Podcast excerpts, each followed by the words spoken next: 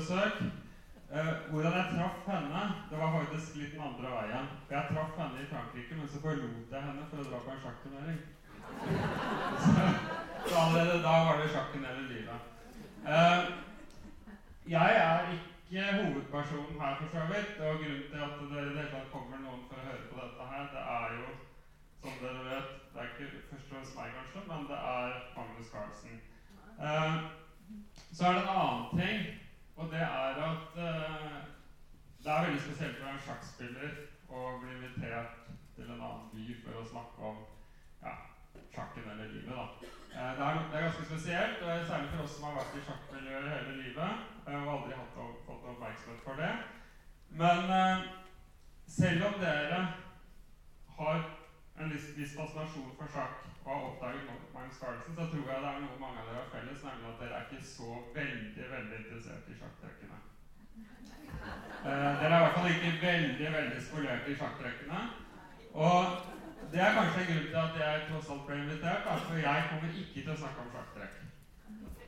Eh, jeg deler den fascinasjonen for sjakkverdenen som dere har, eh, men jeg holder sjakktrekkene utenfor, så dette blir på en måte en fascinasjon for det at noen kan være så fascinert av sjakk at de går helt opp inn i sjakkspillet og velger sjakken framfor livet.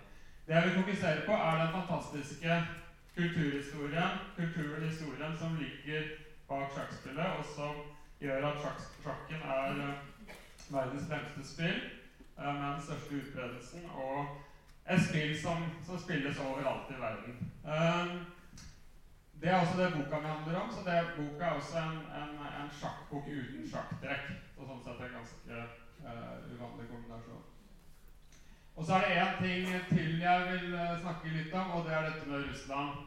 Fordi Du nevnte at jeg lærte russisk fordi jeg var interessert i sjakk. Og etter hvert så begynte jeg å jobbe med russisk, og er professor i russisk. Og jeg kommer ikke utenom eh, Russland som sjakknasjon fremfor, fremfor alle andre land i verden. Og det kommer jeg til å snakke litt om. Hvorfor det er blitt sånn, og hva det betyr. Uh, jeg vil gjerne vise, starte med litt selvskritt og vise at jeg faktisk kan flytte brikker, jeg òg. Eh, så her flytter jeg brikker mot han karen her, som dere kanskje kjenner igjen. Og hvis det er noen sjakkspillere her, og jeg ser noen, noen kjente sjakkfjes, så vet jeg at han som sitter ved siden her, det er mentoren til denne unge gutten her. Dette er nemlig Simen Agdestein. Uh, og så er det et lite ungdomsbilde av meg her fra 1989. Dette er meg.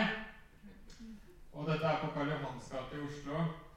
Og for sjakknerdene blant dere, i den grad det finnes noen sjakknerder her, så kjenner dere kanskje denne fyren her. Han var verdensmester i sjakk og het Mikhail Tal.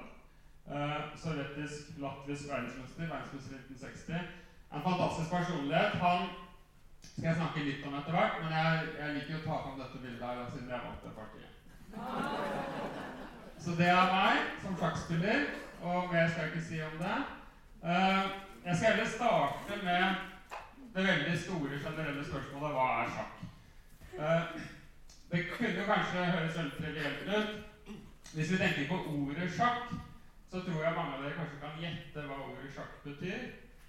Vi hadde nemlig sjahen av Persia, som ble styrtet av Khomeini og presteregimet i Iran i 1979. Og sjahen og sjakk det er det samme ordet. Så sjakk betyr konge.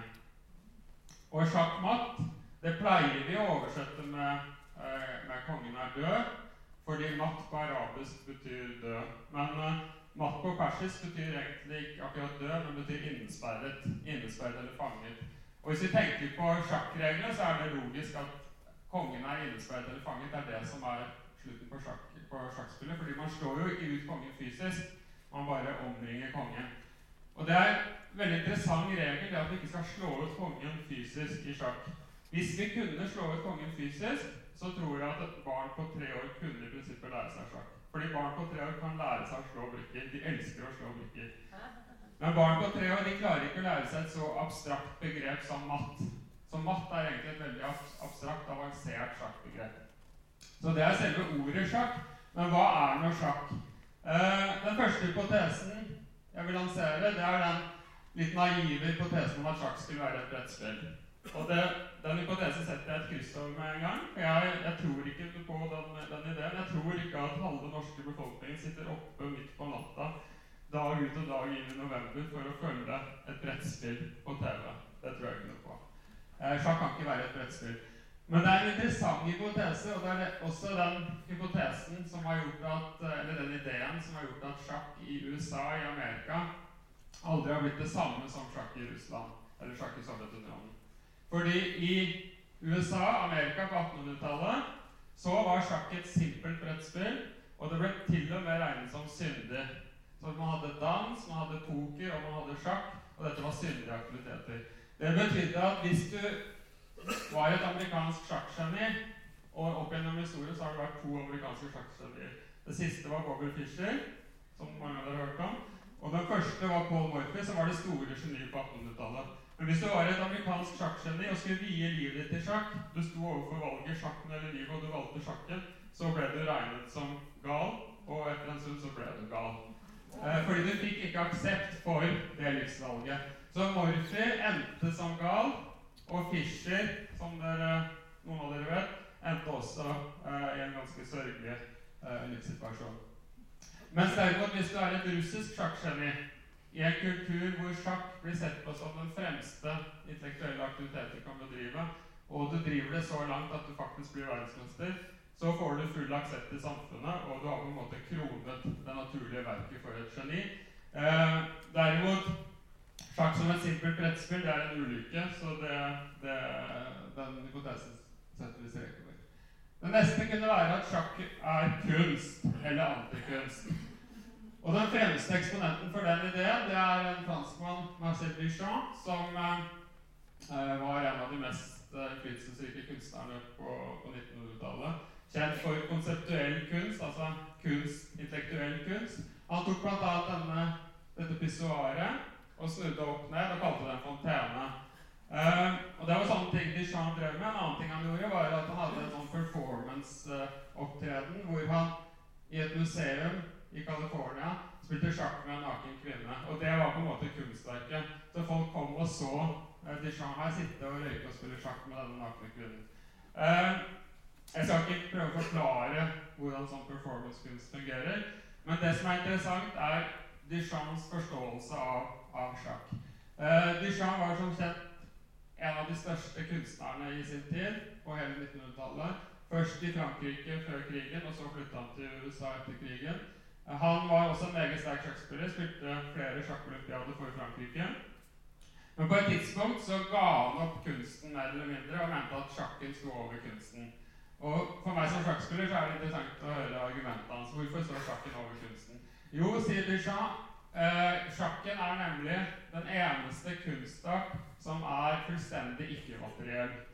Hva betyr det? Jo, det betyr at hvis du tar en sjakkbrikke og holder den i hånda, eller setter den på et sjakkbrett, så er det ingenting eh, det er, det er, ikke noe kunstverk i seg selv. Det er ingen estetisk opplevelse å se en sjakkbrikke. En sjakkbrikke er bare en vanlig trekloss, og den kan være så stygg som bare det. Eh, det derimot som er skjønnhet i sjakk og kunst i sjakk, det er den potensielle bevegelsen brikken har i samsvar med de andre brikkene på brettet. Og den potensielle bevegelsen den kan du ikke se, den kan du bare tenke deg. Så Duchamp argumenterte for at sjakk var den reneste kunstform fordi eh, det, den er fullstendig ikke-materiell og foregår kun i bevisstheten. Derfor satte han sjakken over kunsten. Så det er en hypotese vi kan leve med, som, eh, som sjakkspillere kan være fornøyd med. Hva slags andre muligheter har vi? Jo, vi har den ideen om at sjakk er sport eller idrett. Uh, og dette er det vi kan kalle den norske sjakkskolen. Hvis Norge har bidratt noe til sjakkhistorien, så er det kanskje nettopp dette her. At man har gjort, uh, lagt vekt på sjakk som en konkurranse og det fysiske aspektet. Og Stine Arnestein, som jeg nevnte innledningsvis her, han, uh, han, var den første som, som for så vidt fremmet denne ideen ved å selv uh, være så god fysisk form at han kom på landslaget i fotball og fikk åtte landskamper. Dette var rett før Drillo. Han spilte under Ingvar Stadheim. Men det var Drillo og Egil Drillo Olsen som anbefalte Simen for, for Stadheim, fordi Drillo var trener i Oslo-klubben Lyn, der Simen spilte i 2. divisjon. Og Simen eh, hadde ekstreme fysiske ferdigheter. Eh, han løp så fort at det skremte vettet av, av motspillerne. Og Drillo mente at selv om Simen ikke hadde noe godt håndlag med, ball, med, ballen, så var han, øh, var han en konstant fare for, for motstanderne og god å for landslaget. Så Simen, han, han Det viste seg at Simen som sjakkspiller hadde veldig stor fordel av det å være i så god fysisk form. Og Hvis vi ser på Magnus Carlsen i dag, så det, har han på en måte videreført det. Magnus er ikke så ekstrem som Simon på det fysiske, men Magnus er likevel mye bedre fysisk trent enn de andre i verdenstoppen. Og det tjener han veldig på når man sitter der i et glassbur i New York fem-seks timer i strekk. Så å holde konsentrasjonen oppe eh, i fem-seks timer, da, da, må man være i god fysisk form. Så dette kan vi si er den norske sjakkskolen. Jeg vil bare legge til at når det gjelder Simen, så er det veldig spesielt at han kom på landslaget i fotball eh, uten noe særlig ballfølelse, men bare med løpstalent. Eh, han arvet det løpstalentet fra sin morfar, Reidar Jørgensen, som var den første i Norge som løp 1500 meter i friidrett under fire minutter.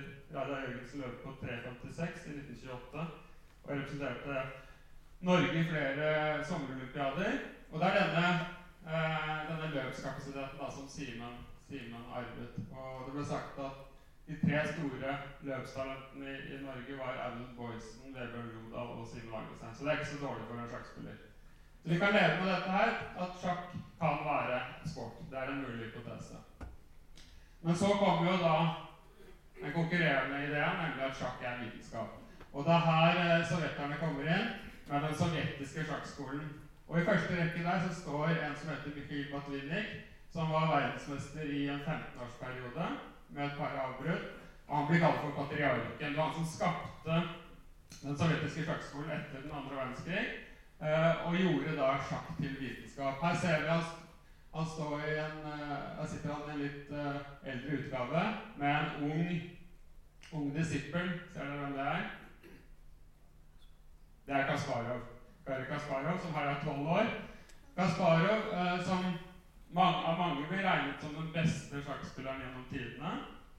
Så er det en del, særlig i Norge, da, som mener kanskje Magnus er den beste. Men, Magnus er ennå veldig ung, så han har, han har, tid til å eventuelt bli den beste gjennom tidene. Men, men Kasparov var verdensmester i 15 år og var en veldig eh, viktig person i sjakkhistorien. Kasparov hadde bakgrunn fra en veldig spesiell bakgrunn. Han, han kommer fra Baku i Aserbajdsjan. Men han hadde armensk mor, og så hadde han en far som het uh, Weinstein. Uh, og navnet til Kasparov var egentlig Harry Weinstein. Og så kan man spørre seg hvordan ble Harry Weinstein til Gary Kasparov. Og det første, Hvis vi tar fornavnet, så er det ganske trivielt, for de har ikke H på russisk. og Harry ble Gary. Men hvordan ble Weinstein til Kasparov? Og hvis dere hører etter dette navnet Weinstein, så er det et jødisk navn. Og Kasparov tenkte da at han som en ung eh, dum sjakkgeni han ville prøve å bli verdensmester. Og han fryktet at det jødiske ville bli brukt mot ham. Han skulle da prøve å ta tronen fra Anatolij Karpov, som satt i Moskva. Eh, en ekte russer fra Uralfjellene som satt i Moskva med full støtte fra regimet. Og så skulle Gasparov, som én ting var at han kom fra denne litt eh, dunkle eh, eh, republikken Det kaspiske hav, Aserbajdsjan. Men i tillegg så hadde han denne brokete jødiske eh, bakgrunnen. Så han tenkte at det ble litt for mye. Eh, så han skiftet navn fra Weinstein til Kasparov. Han tok, han tok morens navn. Moren het Klara Kasparjan. Og så lagde han en russifisert variant av Kasparjan, nemlig Kasparov. Hvis dere hører et navn som slutter på Jan, så er det alltid et armensk navn. Alle armenere heter Jan. Så de store komponistene på, på Jan, det er alle armenere. Uh, dette er den fjerde hypotesen, nemlig at sjakk er vitenskap.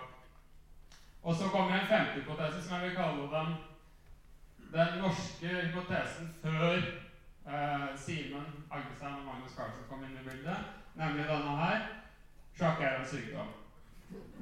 Det var hypotesen til Leif Ødegaard, femdobbelt norgesmester, uh, dominerende norsk spiller på 70-tallet. Og det at sjakk er en sykdom Jo, jeg, kan, jeg skjønner poenget. Det, er, det, blir jo en besettelse. Eh, og det blir på en måte en avhengighet til det spillet som, som minner om sykdom. Men så er det også noe befriende med sjakk. Så man kan også ha den helt motsatte hypotesen, nemlig det André Bjerke sa. Sjakk er medisin for sjelen og befås til alle lands. Sa Bjerke. Eh, André Bjerke var en veldig ivrig sjakkspiller eh, og skrev en fantastisk sjakkbok som het 'Spill i mitt liv', som er en klassiker i, i, i sjakklitteraturen. Eh, men for Bjerke så var det sånn at ok, sjakk var medisin for sjelen, men det kan også bikke den andre veien. Man kan også bikke over i det eh, Øgård sa, nemlig at sjakk kan bli en sykdom. Så man må hele tiden finne balansen her. Og Bjerke sa på et, eh, sa på et annet tidspunkt at han trengte en antabus mot sjakk, som han for øvrig også trengte mot et par andre ting. Og så kommer min personlige variant, nemlig at sjakk er en virkelighetsflukt. Og det er kanskje det jeg vil si med den tittelen 'Sjakken eller livet'. Sjakken som virkelighetsflukt. Uh, dette er noe av det som fascinerer meg mest med sjakk. Og det er også noe av det jeg tror fascinerer TV-publikummet og nordmenn mest med sjakk. Så når man velger å bruke den ene natta etter den andre i november 2016 for å følge med på en VM-match hvor nesten alle partiene blir remis, så er det noe med det at man, man går inn i en sånn meditativ tilstand hvor man eh, glemmer alle de andre bekymringene. I hvert fall så er det sånn for spillerne. For spillerne i et sjakkparti, i et seriøst sjakkparti, så er det sånn at når du sitter der inni det glassburet som, som Karakin og, og Magnus satt i, så har de ingen kontakt med omverdenen. Og hvis de skulle ha noen bekymringer eh, som gjaldt eh, andre ting enn sjakk, så ville de automatisk eh, måtte fortrenge disse bekymringene. Så sjakken blir en, en veldig fascinerende eh, et veldig fascinerende avbrekk fra det virkelige livet. Så dette at sjakken er en virkelighetsflukt, det er noe av det som fascinerer meg mest. Og det er kanskje noe av det jeg ønsker å si med denne tittelen 'Sjakken eller livet'. Og en som tenkte på sjakk som virkelighetsflukt, det var han karen her, som dere kjenner igjen. Hans Olav Lahlum. Han drev det så langt at han spilte sjakk med disse øreklokkene for å Ikke, ikke nok med at han eh, ville sitte i fred og, og meditere over sjakkbrettet, men selv den minste lyd fra sjakklokkene ville han holde unna. Så han eh, gikk til det skrittet da, at han spilte med øreklokker. Men så var det en gang Hans Olav er en ganske eh, fredsom person. Og han liker gjerne å spille remis, altså uavgjort. Han syns det er et veldig hyggelig resultat. Men så var det en gang da at motstanderen tilbød remis. Og så hørte ikke Hans Olav det spørsmålet, og så spilte han videre og tapte. Og da sluttet han med øreklokker. Eh, I dette partiet her så ser dere at motstanderen til, til Lahlum, det er denne unge Magnus Carlsen, ja, som her er ti år. Og det partiet endte da selvsagt remis, sånn som Hans Olav gjerne vil ha det. Eh, så det er jo å stenge verden ute. Og det er noe av det som, uh, som jeg sagt, som sagt uh, syns er mest fascinerende med sjakk, men som jeg også tror fascinerer TV-seerne og gjør at sjakken overraskende funker ganske godt på TV. Så har vi disse her gutta her, da. 1990-årgangen. Karjakin og Carlsen. Hva sjakk er for dem, det kan vi kanskje komme litt tilbake til når vi skal snakke litt om, om, om matchen deres. men det er klart at de to representerer to ulike skoler. Så Kajakin representerer den vitenskapelige og sovjetrussiske sjakkskolen, mens eh, Magnus representerer sjakk som sport, sjakk som idrett. Og en ting dere sikkert har lagt merke til med Magnus, er at han hater å tape. Uh, og han driver det så ekstremt at uh, det, det, blir litt too much av og til. Men det er på en måte Hvis vi tar bort det fra Magnus, hvis vi sier til Magnus at nå må du lære deg å tape og, og ta på vind med samme sinn osv., så så er det ikke Magnus Magnus lenger. Han er nødt til å ha den Han er nødt til å, ha, til å, til å gire seg opp og spille seg opp. og uh, for, for, oss utenforstående så ser det litt barnslig ut, litt komisk ut og litt dumt ut. Men sånn er, er Magnus, og det er, uh, det er noe av det som har gjort ham så god som han er. Karjakin derimot er en mye bedre taper, men da endte det også med at han tapte. Så det er, det er litt farlig å være for god taper. Uh, i Russland, ja. Uh, sjakken i Russland er veldig annerledes enn den er i, i Vest-Europa og Norge. Uh, Brikkene er riktignok de samme, og de går på samme vis, Men selv navnene på brikkene er veldig forskjellige. Fordi sjakken i Russland kom via Det kaspiske hav, via Persia. Eh, så kom via Det kaspiske hav oppover fjellene eh, oppover, oppover elven Volga. Eh, og fikk navn direkte fra persisk. Det betyr bl.a. at dronningen, som for oss nordmenn og vesteuropeere er en feminin kraft på brettet, den mektigste brikken på brettet Dronningen er på russisk ikke en dronning, men en mannsperson.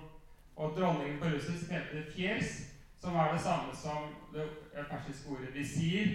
Og dere kjenner kanskje uttrykket storvisir osv. Eh, det betyr at dronningen er rett og slett bare en rådmann til kongen og er litt kjedelig i navnet, i hvert fall en litt kjedelig mannsperson. Denne karen her, som uh, på fransk heter fou, som betyr narr eller, eller gal uh, På engelsk er det bishop. Uh, på norsk er det selvsagt en løper. Men på russisk så er dette her en elefant. Og det kommer også fra persisk. på persisk så heter elefant alfil. Og da elefantene kom til Europa, sirkus osv., så, videre, så så tok man det persiske alfil, og så gjorde man det til elefant. Så det, det er et persisk ord opprinnelig også på norsk. Men denne brikken da var opprinnelig en elefant. Og hesten var en hest, den er grei nok. Så kommer dette tårnet, som er på russisk noe helt annet, nemlig en båt. Eh, og den siste her, bonden, det er en bonde bare i, eh, bare i uh, Tyskland, Nederland og Skandinavia. Men i resten av verden så er dette en fotsoldat. Så f.eks. Paul på engelsk, som det heter Paul på engelsk, det kommer av fransk pion, som er beslektet med eh, ordet pie, altså fot. Eh, så opprinnelig var dette her kongens fotsoldater. Det at vi i Skandinavia kaller dette for bønder, det er ikke så veldig farlig sånn sett, fordi som regel i middelalderen så var jo eh, soldatene tatt fra bondestanden. Så det er for så vidt en logikk i dette her. Men, men det er en litt uh, spesiell historie hvorfor det heter bonde på norsk, og det heter altså uh, de gående på, på, eller fotsoldatene på de andre språkene. Når jeg nevner dette med dronningen, så er det litt trist. Fordi det er så få kvinner i sjakken, eh, og så skal vi til og med ta bort dronningen. Hva er det som er igjen da? Eh, hvor mannsdominert kan det bli? Så eh, Derfor så har jeg kompensert dette med å ta med hun her. Sjakkdronningen. Dette er bare en digresjon, men alt er for så vidt bare digresjoner av det jeg snakker om. Men, men jeg får veldig ofte spørsmål fra salen etterpå hva med kvinnene? Hvorfor er det ingen kvinner i foredraget ditt? Og til og med så har jeg fjernet dronningen som brikke. Så nå tar jeg med Judith Bolgar. Uh, hun er den uh, desidert fremste kvinnen i sjakkhistorien. Ungarsk jente, født 1975. Hun la opp etter Tromsø-OL 2014. men hun er interessant på mange vis. Først og fremst fordi hun er så ekstremt god i sjakk. Hun er så god at hun klarte å komme på topp ti i ratinghierarkiet. Og For meg så er det på en måte et bevis på at det er ikke noe biologisk hinder for kvinner å spille sjakk. Hun har jo klart det. Eh, hvis vi tar f.eks. 100 meter friidrett, så er det neppe mulig for en kvinne å være blant de ti beste. Fordi det er rett og slett biologiske hindre som gjør at eh, menn er litt raskere på 100 meter. Men i sjakk så har hun vist at, eh, at det er mulig. Hun har slått de fleste uh, verdensmesterne i moderne tid. Hun har også slått Magnus Carlsen, riktignok bare i hurtigsjakk. Men hun har vist at det er mulig. Og så kan man spørre seg hvorfor er det da så få av dem. Og i og med at det er mulig, men det likevel er få, så må svaret være at det er miljø uh, og sjakkulturen som, uh, som, som, som gjør at kvinnene ikke ønsker å drive like langt som de beste gutta. De er ikke villige kanskje til å ofre alt fordi eh, miljøet ikke appellerer til dem på samme måte, og fordi det i utgangspunktet er færre kvinner som spiller, så er det færre å ta av. Eh, så det er færre som når helt, helt til topps. Men det er mulig. Det har Judith vist. Nå går vi tilbake til Russland. Nå vet vi hva brikkene heter på russisk. Eh, og så har vi hørt om den vitenskapelige revolusjonen etter den annen verdenskrig. Men det er klart at i Russland så spilte de sjakk også lenge før revolusjonen.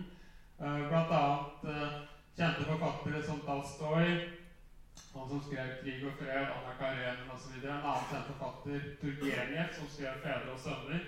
De hadde en sjakkmatch på 1800-tallet som Turgenev vant 2-1. Og da klaget Astorg veldig dårlig form den kvelden. Han var veldig misfornøyd med det resultatet. Men for meg så forteller det at sjakken var veldig viktig som kulturbærer i, eh, i Russland før revolusjonen, i det aristokratiske Russland. Her ser vi en aldrende Tolstoy spiller på godset sitt mot en av, uh, en av hans mange sønner.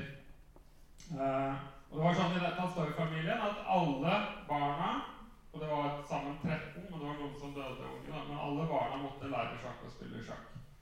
Uh, og så kommer revolusjonen, og det som skjer i 1917 Nå er det 100-årsjubileum for, eller 100-årsmarkering for revolusjonen i år. Det som skjer der, er at eh, de røde bolsjevikene Det første de gjør når det gjelder sjakk, det er å, å, å på en måte kvitte seg med arven fra fra, fra borgerskapet og kvitte seg med sjakken, som de ser på som en, en borgerlig aktivitet. Og de røde gardistene i St. Petersburg de går inn i, eh, i sjakklubben og dekapiterer kongen og dronningen som en symbolsk handling i sjakklubben. En ganske litt barbarisk handling.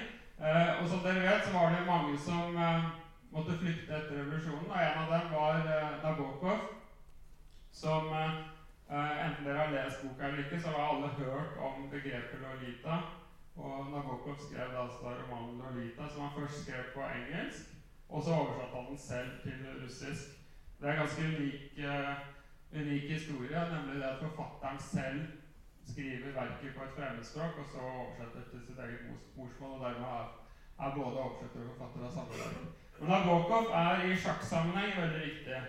Og Nabokov er nok den forfatteren som har vært den sterkeste sjakkspilleren, og som etter min mening også har skrevet den beste sjakkromanen. Han skrev nemlig en roman som heter 'Losjens forsvar', om en, om en uh, einstøing som uh, da het Losjen, og som vokste opp i et russisk, på et russisk gods.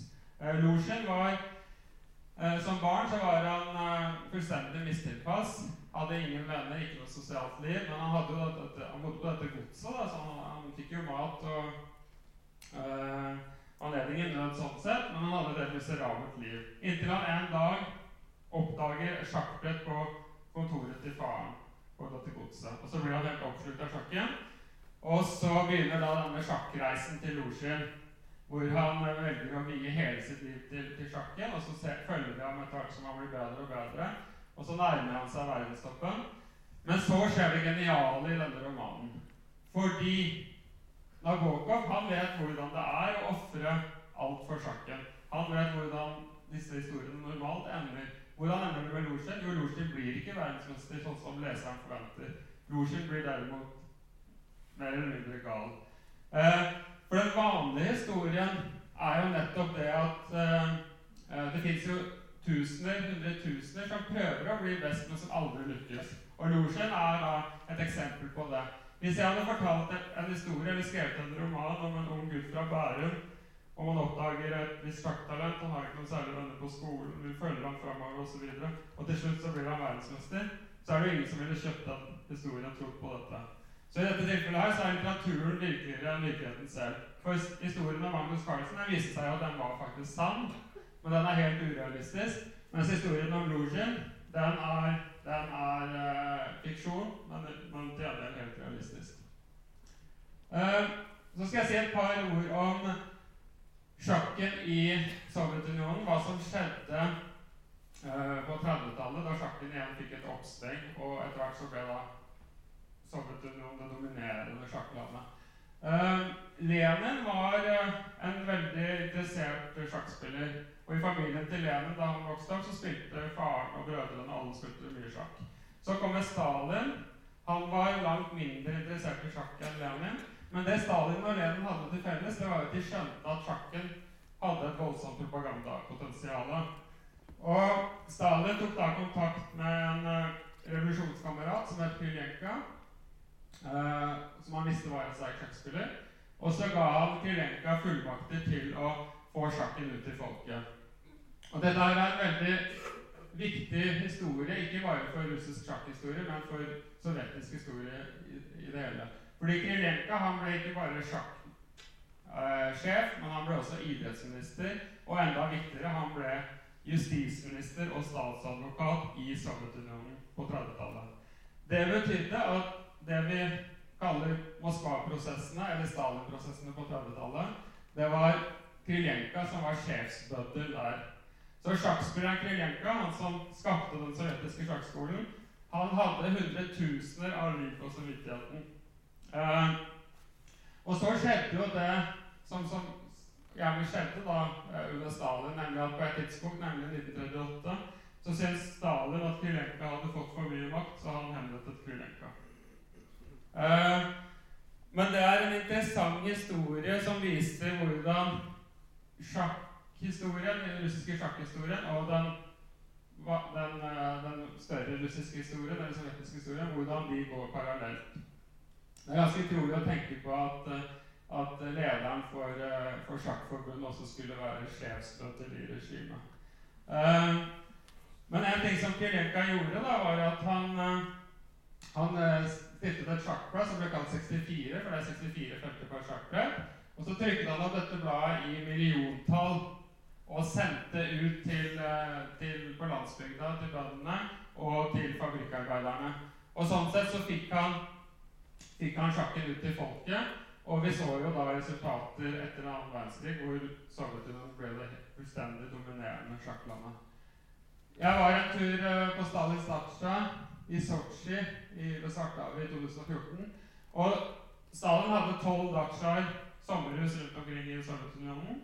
I Sotsji hadde han den datsjaen der hadde kanskje ti rom. Uh, og de fleste rommene var veldig spartanske, og det var ikke noe spesielt å si om det. Men han hadde to spesialrom. Han hadde et biljardrom, og så hadde han et sjakkrom. Og for meg så sier det litt også om, om sjakk, sjakkens stilling da i Sovjetunionen. Stalin, som ikke var spesielt interessert i sjakk, han var likevel såpass interessert at han hadde et eget sjakkrom. Det var ikke så ille. Her ser vi de svære brikkene hans, og her henger han og passer på. Uh, ja. Jeg har lyst til å trekke én parallell til mellom litteratur, uh, russisk litteratur og russisk sjakk. Her har vi denne verdensmesteren Tal, som jeg nevnte, som jeg hadde spilt mot. Han var uh, er nok den mest populære verdensmesteren i, i sjakkhistorien. Det, det, er 16 verdensmestere siden, siden 1886. Tal var den, var den som ja, en, en verdensmester som folket elsket. Uh, og han hadde en enorm karisma. Et enormt fascinerende blikk, som vi ser her. Uh, det ble sagt at det blikket kunne forføre enhver kvinne og hypnotisere enhver motstander. Uh, men dette er altså et tall. Han, han, han levde et, et, ganske spesielt liv. Det var egentlig bare fire ting som sto i hodet hans. Og det var fire ting han drev med døgnet rundt. Jeg tror ikke han sov så mye. De fire tingene det var alkohol, røyk, kvinner og sjakk. Det var det han drev med. Og han levde veldig hardt. Eh, på sjakkbrettet så var han en, eh, en bohem og en kunstner. En romantiker som kunne, kunne, gjøre det mest utrolige. Og egentlig veldig langt fra den vitenskapelige tilnærmingen til sjakk som, som Sovjetunionen etter hvert ble kjent for. Men eh, i litteraturen så har han et motstykke, nemlig Gogol, som står her. Eh, Gogol skrev bl.a. 'Døde sjeler'. Eh, han var også en burlesk, romantisk kunstner som kunne, kunne finne på det utrolige. Som i f.eks. novellen 'Kappen', som jeg kommer tilbake til. Men vi ser her, Se på blikket til Gogol og Tal. Se på dette kunstnerblikket, se på disse bohemene. Og Nå skal jeg kontrastere det med to andre personligheter som som uh, vi skal bli kjent med. Dette er altså kunstnerne, romantikerne. Og nå kommer den andre ytterligheten. Se på blikket til disse, og sammenlign med blikket til disse. Dette her er Botvinnik, patriarken i, sjakk, i, i, russisk sjakk. Han som gjorde sjakk til vitenskap. Og dette er Dostojevskij. Han som gjorde den klassiske litteraturen til det den er. Og det samme som uh, Botvinnik gjorde i sjakken, det gjorde egentlig Dostojevskij i litteraturen. Nemlig la et grunnlag for hvordan man skriver romaner, eller hvordan man jobber med sjakk, som hele resten av verden uh, måtte ta inn over seg og bygge videre på. Så, men så er det sånn at selv om vi da har to tradisjoner i russisk sjakk Vi har Tal, og vi har Botvinnik. Og selv om vi har to tradisjoner i russisk litteratur, vi har Gogol og vi har Dostojevskij, så er det sånn at disse tradisjonene er i et konstant samspill med hverandre. Og Dostojevskij sa en gang at vi er alle viklet ut av Gogols kappe. Det han mente med det, var at denne novellen til Gogol, 'Kappen', som var skrevet i en helt annen stil enn det Dostojevskij selv, eh, selv skrev, den hadde likevel påvirket og satt en standard for russisk litteratur. Og Tal sa noe tilsvarende. Vi kommer alle fra patriarken, slik russisk litteratur vikles ut av Gogons kakka. Så disse ulike eh, retningene innen sjakken eller litteraturen, de, de, er i et konstant samspill og, og, og bringer fram da nye, eh, nye kunstverk og nye, nye sjakktrekk. Eh, sånn så det ut i Moskva på 50-tallet. Dette var jo lenge før datamaskinene. Eh, og sånn så det ut da på gateplan. Og vi ser hvordan, hvordan uh, hvilken enorm interesse det er. Her ser vi et sjakkbrett, et demonstrasjonsbrett, og vi ser alle de menneskene som prøver å få et glimt av demonstrasjonsbrettet. Hvordan var det å følge en VM-match i Moskva på 50-tallet? Jo, disse VM-matchene ble spilt i gigantiske konsertsaler som tok flere tusen tilskuere. Uh, men de var selvsagt helt stappfulle. Og Eh, hundretusener av mennesker måtte da prøve å få, uh, få vite trekkene, enten gjennom radioen eller da gjennom disse demonstrasjonsmøtene på gateplan. Og det er en historie her hvor, uh, hvor en politimann som prøver å holde orden i gatene og prøver å holde orden på trafikken, han er fortvilet over all menneskemassen. Og vi kan jo skjønne at det fører til litt trafikkproblemer å ha alle disse her som skal se dette demonstrasjonsmøtet. Så han tar en ropert, og så skriker han ut i forsamlingen Dere kan bare gå hjem, det blir en ny uansett. Og det er igjen en historie som sier litt om sjakkulturen i Russland, når eh, politimannen da tydeligvis har kompetanse nok til å vurdere stillingen og til å gi en kvalifisert råd til, eh, til publikum. Uh, jeg hopper over han. Her er Talia. Jeg nevnte dette blikket. Se på det, det, fantastiske blikket. Han var født med bare tre fingre på den ene hånda. Uh, men, uh, men ja. Og det ser vi her. Og her ser vi han ligger i sykesenga. han var syk nesten hele livet. Men det hindret ham ikke fra å leve ekstremt hardt. Og her ser vi at Bobby Fischer, Bobby Fischer kommer på sykebesøk til Tal. Det er ganske interessant, fordi Bobby Fischer, amerikaneren, han profilerte seg etter hvert som, eh, som, en som hatet russerne, han hatet sovjeterne. Han hatet egentlig alle. Han hatet etter hvert også amerikanerne. Han hatet jødene, selv om han hadde både jødisk far og mor. Uh, men egentlig så var dette også et spill. Uh, han drev et spill, og innerst inne så hadde han voldsom respekt for de sovjetiske sjakkspillerne, som vi ser av dette bildet her. Her er Fischer mot Spassky i 1972, og dette er den mest berømte sjakkmatchen i historien. Så en del av dere er, er, mange av dere er gamle nok til å kanskje huske til og med den matchen. Eh, og huske hva som, hvordan, hvilken rolle sjakken fikk da i 1972. For det er den første og eneste gangen hvor sjakken var på førstesidene i alle verdens aviser, alle verdens ledende aviser, eh, skrev daglig på førstesiden om sjakkpartiene. Og her sto det så mye prestisje på spill.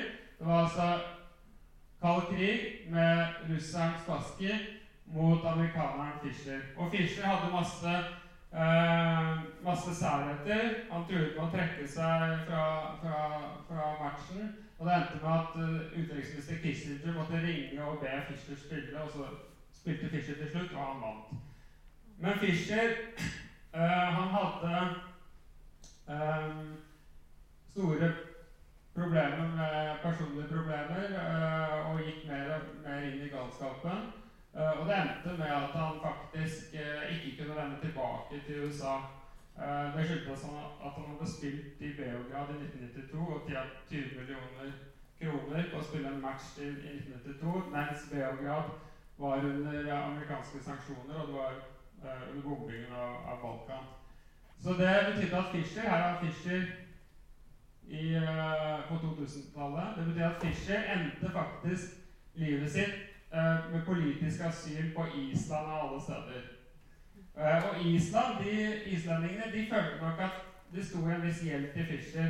Så det ble sagt at det toppmøtet i 1986 mellom Reagan og Gorbatsjov på, på Reykjavik at det toppmøtet ikke ville vært mulig uten matchen mellom Spassky og Fischer i 1972. For det var matchen i 1972 som ga Island eh, og Reykjavik muskler utad til å kunne eh, spille en rolle da i, eh, i avspenningen og eh, denne kalde krig-problematikken. Fischer døde i 2008 på Reykjavik. 64 år gammel, selvsagt. Like mange år som det er ute på et sjakkbrett. Så kan man spørre seg hvorfor er russerne så interessert i sjakk i dag, eller i moderne tid. Og Kasparov har et ganske godt sitat her. I russiske valg er reglene uklare, men resultatet forutsigbart. I sjakk er det motsatt. Reglene er klare, og resultatet uvisst. Og det er klart at for den store russiske intelligensiaen så er det mye mer interessant å drive med sjakk enn med politikk. Uh, og jeg tror det også er noe av forklaringen til hvorfor jødene er så gode i sjakk. Av de 16 uh, eh, sjakkverdensmesterne så har halvparten vært jøder. Uh, for sjakk har nemlig denne objektiviteten i seg. Uh, utfallet er ikke gitt, men den beste vil vinne. Sjakk er et spill uten flaks, i motsetning til terningsspill. Og sjakk er et spill hvor det er bare dine egne ferdigheter til syvende og sist som vil avgjøre. Og det er klart at det appellerer til folk som er uh, som ja, er politisk undertrykte eller, eller forfulgt av, av, av, andre grunner, og som dermed er redd for at uh, eh, f.eks. etnisitet eller politiske meninger skal bli brukt mot dem. I sjakken så er det ingenting som kan stoppe dem. For i sjakken så vil, eh, vil den beste vinne. Uh, og derfor så tror jeg at sjakken hadde, fikk en veldig sterk stilling i, i Sovjet etter annen verdenskrig. Slik som man alltid også har hatt uh, blant jøder. Uh, ja. Uh, skal avslutte med et par ord om denne karen her. det er nemlig sånn at Da Magnus Carlsen dukket opp på scenen i, i, i 2004 og ble stormester som 13-åring, så fikk russerne sjokk. Fordi her kommer det en liten gutt Magnus var veldig liten av vekst. Her kommer det en liten gutt som, uh, fra Skandinavia som heter Carlsen. Det kunne de ikke tro var mulig. For, for russerne fantes det bare én Carlsen, nemlig Carlsen på taket. Og hvis man tenker litt over hvordan uh, sovjetiske barn hadde det på 60- og 70-tallet, så er det ganske naturlig at de ble veldig fascinert av Carlsen på taket. Fordi Carlsen på taket er jo en historie hvor vi har en lillebror her som vokser opp i en høyblokk en grå høyblokk, og som drømmer om en besøk fra oven eh, og har denne fantasifiguren Karlsson på taket. Og det er klart at Dette var noe sovjetiske barn kunne kjenne seg igjen i. Mye mer enn Pippi Langstrømpe eller Emil. Så Karlsson på taket mye, var mye mer populær i Sovjetunionen enn Pippi Langstrømpe. fordi ingen klarte å identifisere seg med en jente som bodde i en villa med, med en stor hest inn, inn, inn i villaen osv. Det, det ble too much. Men Karlsson på taket var akkurat nok til at man kunne uh, kjøpe den historien. Uh, og så kommer da Magnus, og så heter han Karlsson. Og så spiller han som han har en propell på ryggen, og så er han som en lillebror. Så han ble på en måte alt på en gang. Og i en tiårsperiode så var det umulig for russiske sjakkskribenter å skrive om Magnus uten at de måtte ha et eller annet ordspill med Karlsson på taket eller en referanse til Astrid Lindgren. Uh, så etter hvert så ble jo denne lille gutt eh, voksen, da.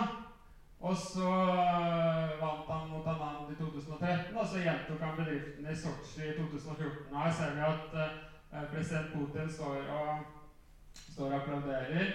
Uh, og det sier også litt om, om, om sjakkens stilling i Russland. Hvor viktig sjakken har vært for maktapparatet. Når det gjelder disse gutta her Karjakin, så var jo Karjakin opprinnelig ukrainer. Født på Krimhalvøya. Riktignok etnisk russer, men han hadde ukrainsk statsborgerskap. Eh, men i 2009 så skrev statsminister Medvedev et, eh, et dekret eh, utskrevet et dekret som gjorde Karjakin til russisk statsborger. Det var en veldig spesiell ting å gjøre, men, men eh, det betydde at russerne de var villige til å satse alt på denne gutten. Og det gjorde de i syv år, fram til 2016, da han klarte å kvalifisere seg til denne VM-matchen. Og så ble jo uh, Så tapte riktignok Karjakin den matchen, men, men uh, sjakken fikk da et oppsving i Russland i, uh, i matchen i, i fjor. Litt, ikke på samme måte som i Norge, men, men interessen var, var, enorm. Og de sier at interessen for denne matchen her var større enn f.eks. interessen for matchene mellom Kasparov og Kramnik på 2000-tallet. Så man må helt tilbake til Karpo Kasparov i 1984-85 for å finne en lignende sjakkinteresse i Russland. Så disse to har, har gjort eh, veldig mye for sjakken. Det Magnus har gjort for oss i Norge, er jo eh, Det kan ikke beskrives. Uh, så det er helt opplagt at jeg ikke ville stått her eller hatt noen bok eller noe som helst uten Jeg ville aldri fått et forlag til å gi ut en sjakkbok uten sjakktrekk. uten Magnus Carlsen. Eh, men, eh, men, sånn er det blitt. Eh, og ja, jeg, jeg kan ikke stoppe her.